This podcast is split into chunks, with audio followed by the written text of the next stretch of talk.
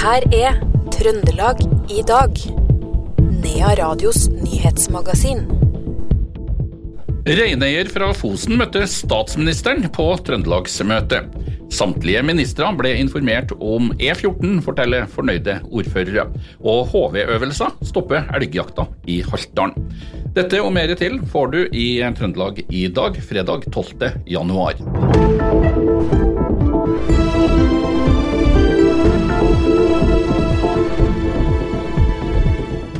Men vi starter på Stjørdal. Aktor ber om tolv års fengsel for mann som drepte en mann i 50-åra på Stjørdal i mai i fjor. Statsadvokat Eli Reberg Nessimo sa i sin prosedyre at det ikke finnes bevis for at tiltalte drepte i selvforsvar. Tiltalte har hele tida hevda nødverge og har forklart at han ikke husker så mye fra hendelser pga. alkoholinntak. Aktor understreka imidlertid at fylla har aldri skylda på en sånn måte at man kan bli bli fritatt for straff. Avdøde var påført 13 stikk eller kuttskaver med kniv da han døde. Drapet skjedde i leiligheten på Stjørdal, og han ble pågrepet samme kveld som politiet fikk vite om hendelser. I et eh, brev sendt til statsminister Jonas Gahr Støre rett før nyttår kom Nordfosen-sida med kraftig kritikk av meklingen i Fosen-saken. I brevet beskriver de meklingen som en mekling med pistol mot tinningen, men det var ikke statsminister Jonas Gahr Støre enig i da han møtte reineier og aktivist Terje Haugen i en pause under Trøndelagsmøtet på Stjørdal i dag. Ja, Nå har ikke jeg hørt det uttrykt til meg nå, og det er ikke en virkelighet i, i Norge når vi møtes på denne måten. Eh, altså Jeg opplever at uh, nå sitter jo ikke vi inne i den meglingen. Uh, det er jo mellom, mellom, partene. Det vi har gjort er å stille tilgjengelig muligheten for megling. Og all erfaring både i denne saken til nå med den ene grupperingen og ellers tror jeg i andre sånne sammenhenger så er det en bedre måte å prøve å finne gode løsninger på enn å fatte nye vedtak. Men, men altså, jeg håper å si, hvis det ikke går, så må vi jo da uh, se på en annen vei. Men jeg tror altså så, så lenge det, det, er mulig å gå den veien, så jeg, jeg har lytta til Terje før, og vi uh, får de standpunktene godt fram. Det er veien å gå. Du, du har jo det øverste ansvaret for at menneskerettighetsbrudder skal opphøre? Ja. Det skal det. Det har du, ja. ja, og det tar jeg på fullt alvor. Og så kan du si at uh, jeg vil at det skal gå så fort som bare mulig, men all erfaring viser at det å prøve å finne løsninger ved å jobbe sammen, sånn som vi har gjort det nå, det er bedre enn å ja. Men hvis vi snur saken, at vi har tapt, da har vi vært ferdig for godt over to år siden. ja, men nå er vi her og nå, så ja. får vi prøve å finne ja, ja. de løsningene så godt som mulig. En av de som har kritisert statens håndtering av Fosen-saken sterkt, er sametingspresident Silje Karina Motka. Hun følger spent med utviklingen på Fosen. Altså, jeg, jeg, synes det er viktig at det kommer til en avtale for Sør-Fosen site. Det synes jeg. Det gir dem en mulighet til å tro at de kan drive sin reindrift fremover. Men avtalen forutsetter at det, at det lokaliseres et erstatningsbeiteland. Da. Og spørsmålene knytta til hvor det her eh, erstatningsbeitelandet skal være, det er forhold som eh, krever myndighetsoppfølging. Og, og, det bekymrer meg også hvordan man skal få tak i det her ekstra arealet. Da. Og hvilke betingelser som påligger den eh, drifta som kan føres da, for, for reineierne på Sør-Fosen. Så på Nord-Fosen er det jo ikke, ikke noe løsning. Det er jo på en måte et forsterka press på rettighetshaverne der, og det synes jeg også er er veldig bekymringsfullt. Det sa sametingspresident Silje Karine Motka. Tekniske problemer hos danske bank gjorde at flere tusen kunder ikke fikk inn lønn til rett tid i dag, blant dem 1600 ansatte i Trondheim kommune. Det skriver Adresseavisen. Pressesjef Søren Winge i Nets AS sier til Adressa at de sammen med danske bank jobba for å løse problemene, og like før klokka 15 meldte Nets at feilen skal være retta.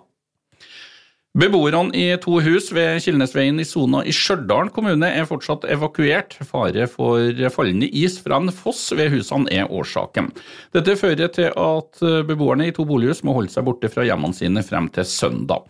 Norges vassdrags- og energidirektorat, politiet og kommunen hadde befaring på stedet i dag. Det milde været har ført til at det er store vannmengder i både Forradalen og Sona. Operasjonsleder Else Stokkebø i Trøndelag politidistrikt forteller at det ikke er fare for at Stjørdalselva skal stige ytterligere, da det ikke er meldt store mengder nedbør i helga. Og Vi holder oss i dette området, for mandag i forrige uke ble E14 stekt. Veien var rett og slett for glatt til at det gikk an å komme seg frem.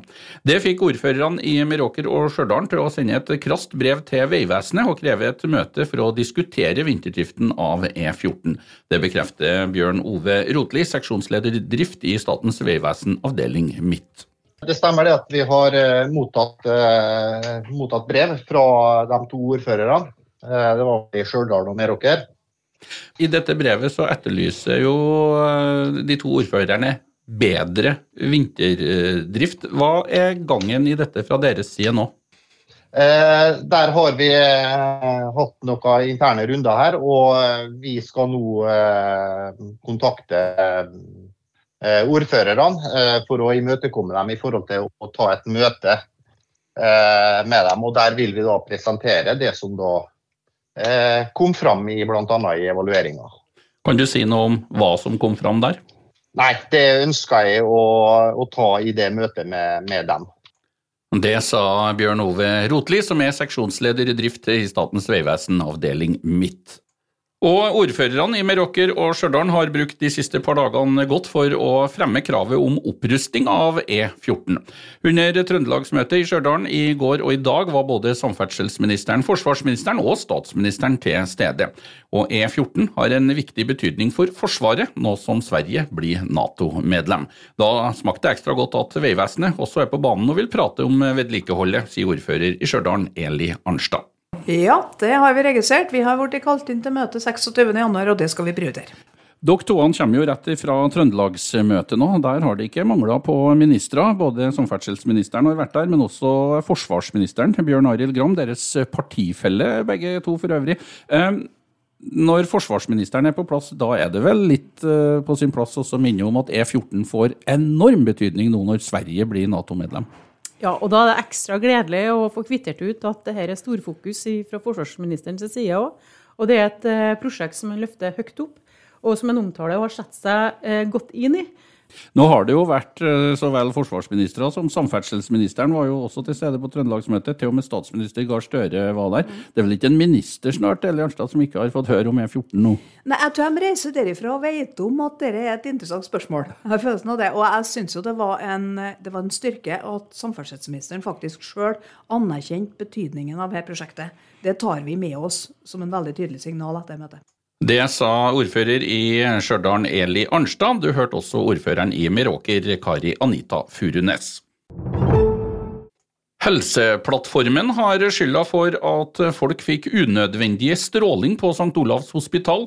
Det er konklusjonen etter at Direktoratet for strålevern og samfunnssikkerhet holdt tilsyn ved sykehuset i november i fjor. Direktoratet mener St. Olavs hospital har tatt i bruk et journalsystem som er uferdig og ikke tilstrekkelig testa, skriver NRK. Etter at tilsynet var på besøk, har de fått inn flere varsler om uønska hendelser på sykehuset.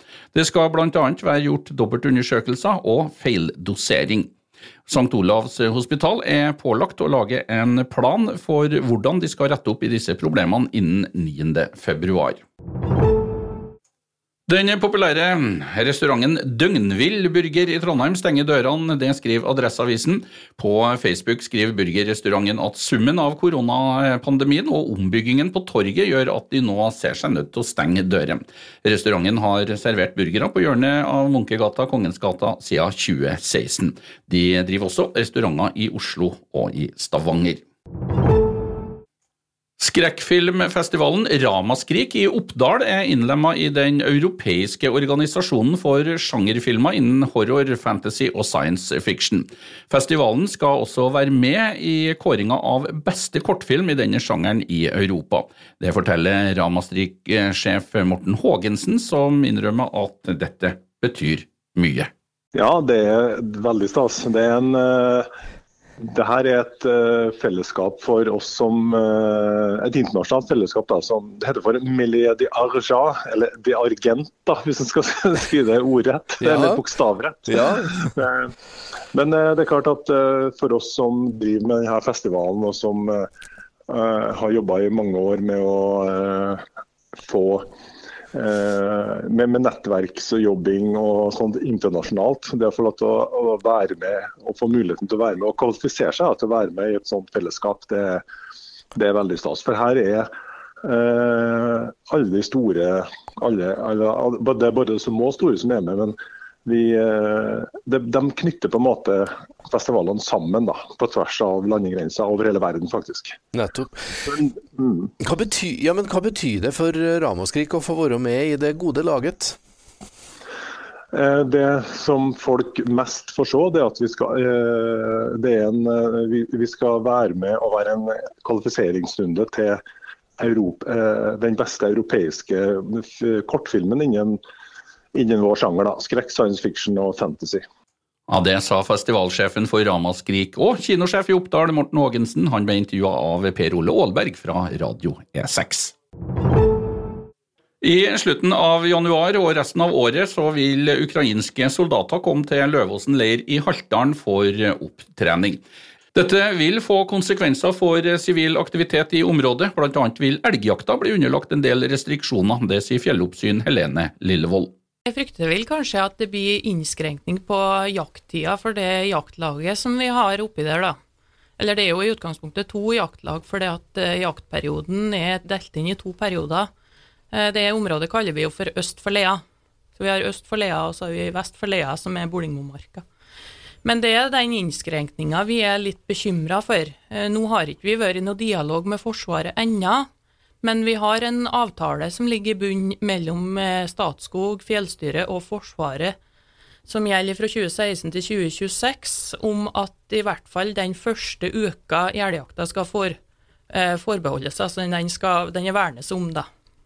Men resten er usikkert? Ja, resten er usikkert. Eh, utover det så står det jo i avtalen at, kan, at Forsvaret da eh, skal erstatte, inn med erstatning da, for den eh, tapte inntekta vi har av elgjakt i allmenningen, står det i avtalen. Ja, Det sa fjelloppsyn eh, Helene Lillevold til reporter Per Magne Moan. Helt eh, til slutt så tar vi med oss et par sportsmeldinger. Det gikk godt for trøndersk langrenn under den skandinaviske cupen i estiske 8P i dag. Emil Iversen ble nummer to på sprinten, bak finnen Ristomatti Hakola. I kvinneklassen Dorsk dobbeltseier. Ane Appelquist Stenseth fra Grong vant foran Maria Hartz Melding.